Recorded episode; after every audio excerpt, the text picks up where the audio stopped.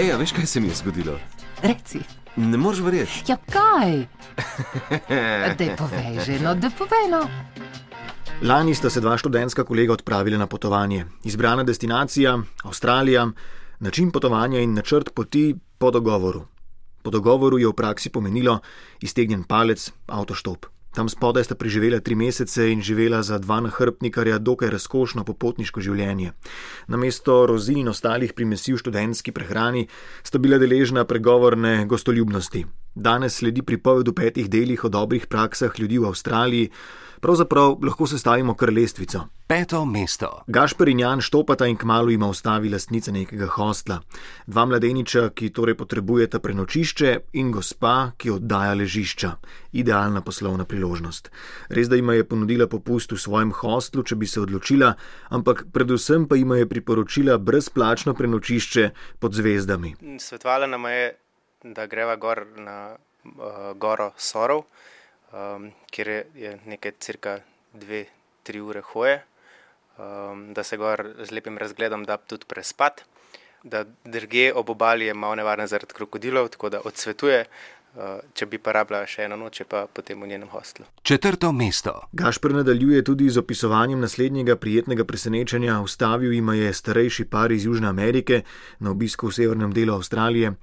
Med vožnjo si štoparja ogledujeta drevesa, na katerih je še zorel mango, in v pogovoru mimo grede izrazita svoje navdušenje nad sadežem. Ob cesti je ena taka stojnica sadja, uh, se kar naenkrat ustavimo, ona dva rečeta, samo malo prideva takoj nazaj. No in prideta nazaj s po dvema mangota in rečeta, evo, to je pa za vaju, ker ste si tako želela mangota, da ga boste končno okusila. Tretje mesto. Od Melbourna se odpravita proti Sydneyju, ustavi ima poslovnež v elegantnem avtomobilu in z dolgočasno kravato, klepetajo, povesta, kam sta namenjena, pove, da živi tam in ima zaupa svojo telefonsko številko, naj ga pokličeta. In sta ga res poklicala. Takoj se ju je spomnil, pravi Jan. Polno je pa pelu na bratovo jadrnico in smo šli na čudovito jadranje po Sidnijskem zalivu. Tisti pogled na Sidney, ki ga ne dobiš, ne dobiš ga drugačno. Sicer ponujajo neke turistične zadeve, tiste ladice, ki te pelejo za ne vem, 200 dolarjev na okol po zalivu en večer, ampak ni to to, je čist drugač z enim domačinom, z nekom, ki se lahko normalno pogovarjaš, ki ti ne poskuša prodati še dodatnih deset stvari. Drugo mesto.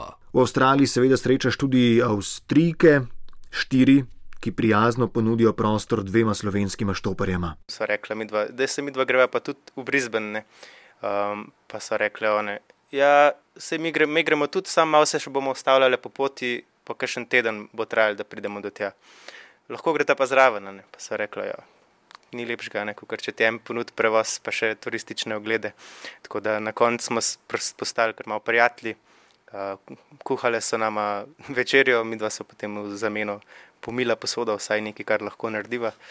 Um, tudi denarja niso hotele vzeti za, za te kempe, um, so nama jih plačevale, ker oni bi itak to plačali. Tako da, To je bila utemeljitev njihova. tako je. da niso potem hotele si razdeliti na šest, ampak še zmeraj na štiri med, med njimi. Prvo mesto. Za odsek poti sta načrtovala tri dni štopanja. A je Gašperju in Janu uspelo cilj doseči že v enem dnevu. Ker so dobila enega gospoda, ki je bil glih, glih se ločval in je bil malo žalosten, slabe volje in mi dva smo bila dobra družba. On se je pelil k svoji sestri na obisk, da bi se tam malo pogovoril z družino in bi moral na nekem izvozu zaviti iz tiste avtoceste, kamor sva mi dva šla. Pa je rekel, pa je pelil kar naprej. Rekel, vse je še en naslednji izvoz, kjer lahko jaz zavijem. To je bilo nekih 50 km naprej.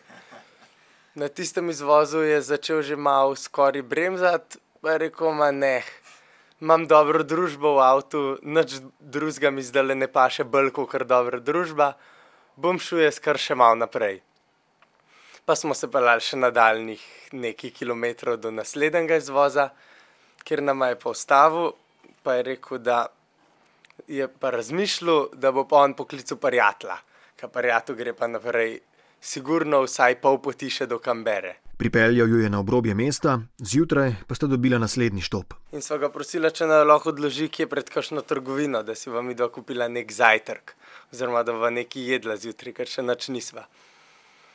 On naj pa ni pel do, do trgovine, naj pa vrgel v centru pred enim lokalom, nek breakfast lokal, neki zajtrki. Um, potegnil je 50 dolarjev iz denarnice in je rekel: Evo vama, to je za zajtrk, pa je ta pojest neki ta prave hrane. Jaz sem rekel, ne morem tega vzeti kar od vas, to je veliko denarja. Je rekel, ne, kar pa je ta po zajtrk, pa mi je potisnil roko, se poslovil, da me zaželel srečno pot in se odpeljal naprej. Mi da se potem seveda šla na ta zajtrk, ne? lahko bi šla v supermarket pa si kupila kaj cenejšega, ampak se nam ni zdel prav, pa še dobro so se najedla. Uh, vse nam je potem še ostalo, še polovico tega denarja. Tako sta v Avstraliji zajtrkovala Gašper in Jan, jutranja ura je, ko boste po zajtrku pri svežih močeh, pa lahko poveste, kaj se je zgodilo vam. A veš, kaj se mi je zgodilo? Ne, me pa zanima najc.jemecaf na rtvslo.si oziroma nič ena 475 2 202.